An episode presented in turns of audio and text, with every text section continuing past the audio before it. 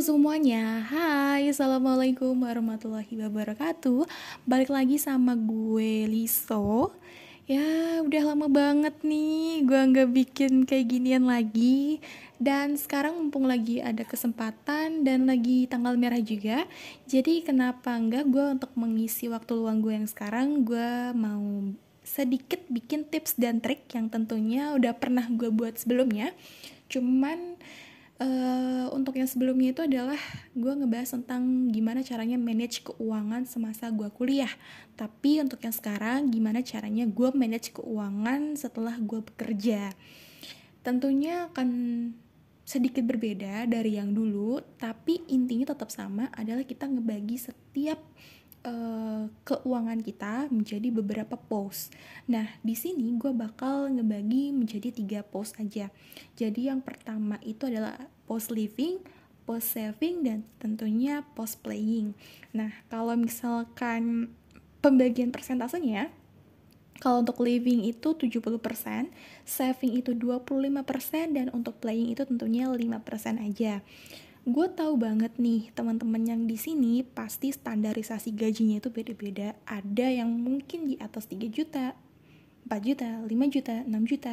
Nah cuman untuk yang gue bahas sekarang adalah gue akan uh, ngasih contoh ke kalian budget under 5 juta ya nggak? Hmm, karena mungkin kebanyakan dari teman-teman semua untuk permasalahan gaji pokok kerja ya standarisasinya memang sekitar 5 juta. Tapi kalau kalian ternyata ada yang di atas 5 juta pun it's okay nggak apa-apa kalau kalian mau ngedengerin. Dan kalau kalian mau ngeca mencari ya uh, yang lain gitu yang gimana sih caranya ngolah keuangan di atas 5 juta, kalian boleh banget untuk nyari di YouTube ataupun platform yang lainnya. Karena tentunya sekarang banyak banget kok platform-platform yang udah tersedia untuk caranya nge-manage duit. Untuk yang pertama, tadi post living ya, itu kan 70%. Pembagiannya apa aja sih, Liz? Kalau di post living, jadi di post living itu yang pertama ada zakat. Itu wajib banget ya teman-teman buat dikeluarin. Uh, besarannya sebenarnya adalah dua setengah persen ya Cuman kalau ternyata teman-teman mau ngasih yang lebih itu pun gak apa-apa. Dan kalau kalian mau ngasih ternyata uh, ya pokoknya semampunya kalian aja lah sekiranya zakat itu kalian mau keluarin berapa gitu. Nah, abis itu ada buat biaya hidup dan cicilan. Nah, biaya hidup ini adalah biaya kalian selama satu bulan ke depan. Buat kalian itu makan, minum, dan segala macam ya kalian bela beli, entah itu stationery, entah itu e-money, entah itu apa pun itu kalian bisa pakai di uang biaya hidup ini. Terus kemudian ada transportasi. Nah, buat kalian semua kan pasti ada yang kerjanya ternyata pakai motor dan itu ngeluarin bensin. Kalian boleh meng apa ya?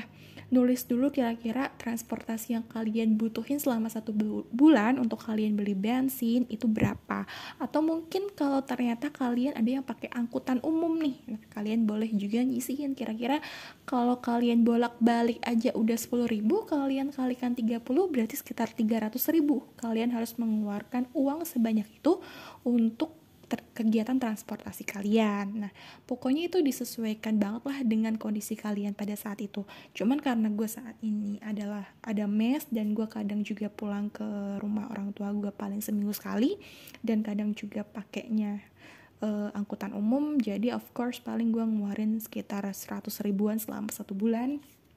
Ya. Dan untuk selanjutnya itu ada kesehatan dan belanja bulanan. Jadi kesehatan itu kan kalau sekarang itu yang paling sering kita butuhin itu kan ada masker ya uh, kita kan harus sedia masker nah masker itu kan sekarang juga ada berbagai macam yang murah-murah gitu di online shop. Cara saran gue adalah kalian mendingan beli di online shop aja karena di situ sudah terjamin tentunya lebih murah juga kalau kalian beli banyak dan kalian bisa manfaatin promo-promo yang ada di uh, e-commerce tersebut. Nah, belanja bulanan. Kalau belanja bulanan, gue sebenarnya cenderung jarang untuk belanja bulanan karena gue tipikal orang yang belanja ketika gue butuh aja. Jadi, kalau ternyata kalian memang ada apa ya, ada keinginan untuk belanja bulanan untuk nyetok ya kayak misalkan anak kos paling butuhnya mie atau mungkin telur ataupun mungkin minyak goreng dan segala macamnya kalian boleh beli itu di awal bulan cuman karena kondisi gue adalah uh, jarang banget buat masak dan jarang banget buat makan mie gitu. Gue menghindari banget untuk saat ini. Ya udah gue skip untuk belanja bulanan. Jadi paling gue pembagiannya itu ya zakat biaya hidup transportasi kesehatan. Nah ada pos saving yang kedua. Nah totalnya ini adalah 25% dari keuangan kalian yang masuk. Nah katakanlah 5 juta berarti 25 persennya itu berapa? Itu kalian gunain buat saving.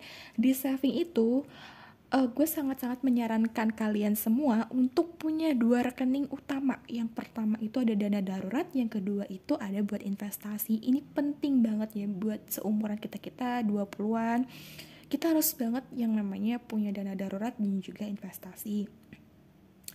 Untuk dana darurat sendiri, gue biasanya selalu mematok 500 ribu setiap bulan 500 ribu setiap bulan gue kumpulin itu dana darurat.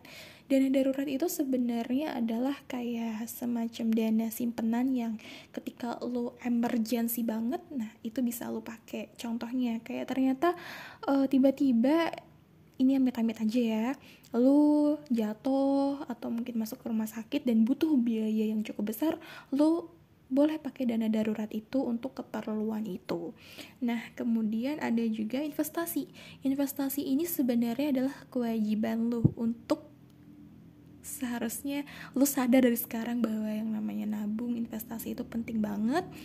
Nah, uh, kalau gue sendiri itu sebenarnya untuk investasi lebih cenderung ke deposito dan emas dan dulu gue bermain saham cuman karena gue mikir kayaknya untuk jangka panjang uh, saham itu bukan sesuatu yang bisa gue apa ya gue istilah apa ya kayak hmm, gimana ya kasarannya adalah kalau saham itu kan memang cenderung naik dan turun gue nggak bisa meng apa ya punya punya apa ya punya pemikiran apakah nanti di beberapa tahun ke depan gue akan untung atau rugi. Dan gue ngerasa kayak saham bukan sesuatu yang uh, cocok di gue makanya gue lebih cenderung ke emas dan deposito dan itu karena dia lebih aman tentunya. Dan yang kedua ya udah gue cuman tinggal nak pikiran gue adalah ya udah gue kayak nabung aja gitu uh, investasi yang biasanya gue jalani itu kan tadi ya emas. Jadi setiap bulan gue menyisihkan uang sekitar satu juta sampai dengan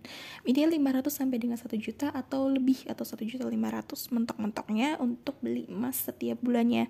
Dan itu jadikan gue kebiasaan gimana caranya untuk gue uh, nabung setiap harinya. Jadi kalau misalkan ternyata 25% dari 5 jutanya itu katakan berapa sih 25% dari dua setengah ya?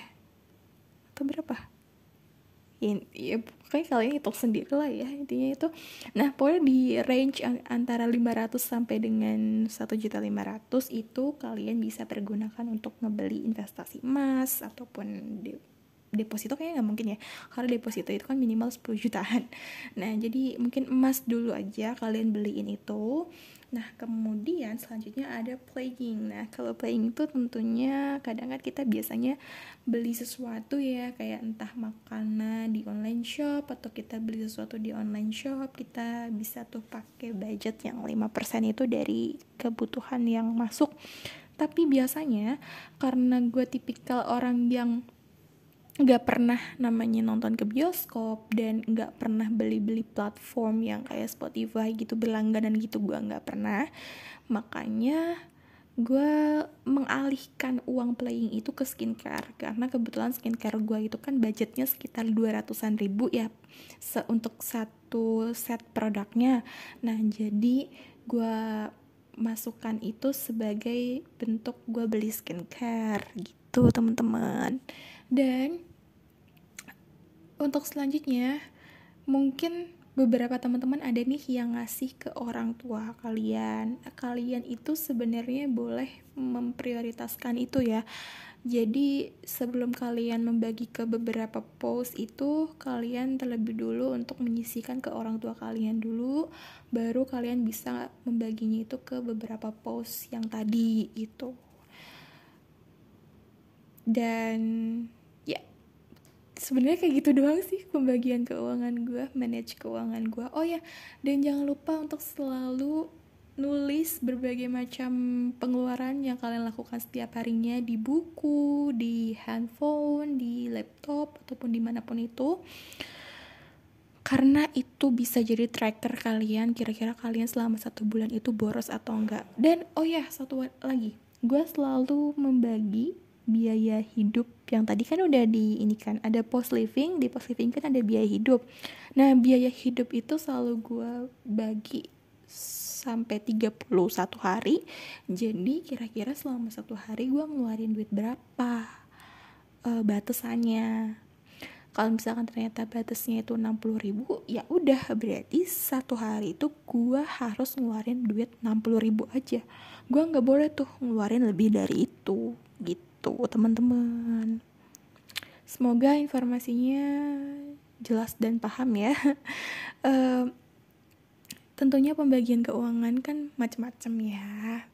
Terus ini juga sebagai bentuk dari apa ya gue ngisi waktu luang aja sih makanya gue bikin kayak gini. Dan buat temen-temen yang yang ternyata abis dengerin ini jadi kebuka mata hatinya untuk lebih memanage keuangan kalian I hope kalian berhasil. Dan tentunya kalian menjadi orang yang lebih mandiri lebih bisa mengatur keuangan kalian di masa yang akan datang. Gue Liso dan Assalamualaikum warahmatullahi wabarakatuh. Sehat-sehat ya Karena wabah Omikron sedang meningkat. Jadi kita harus waspada kasih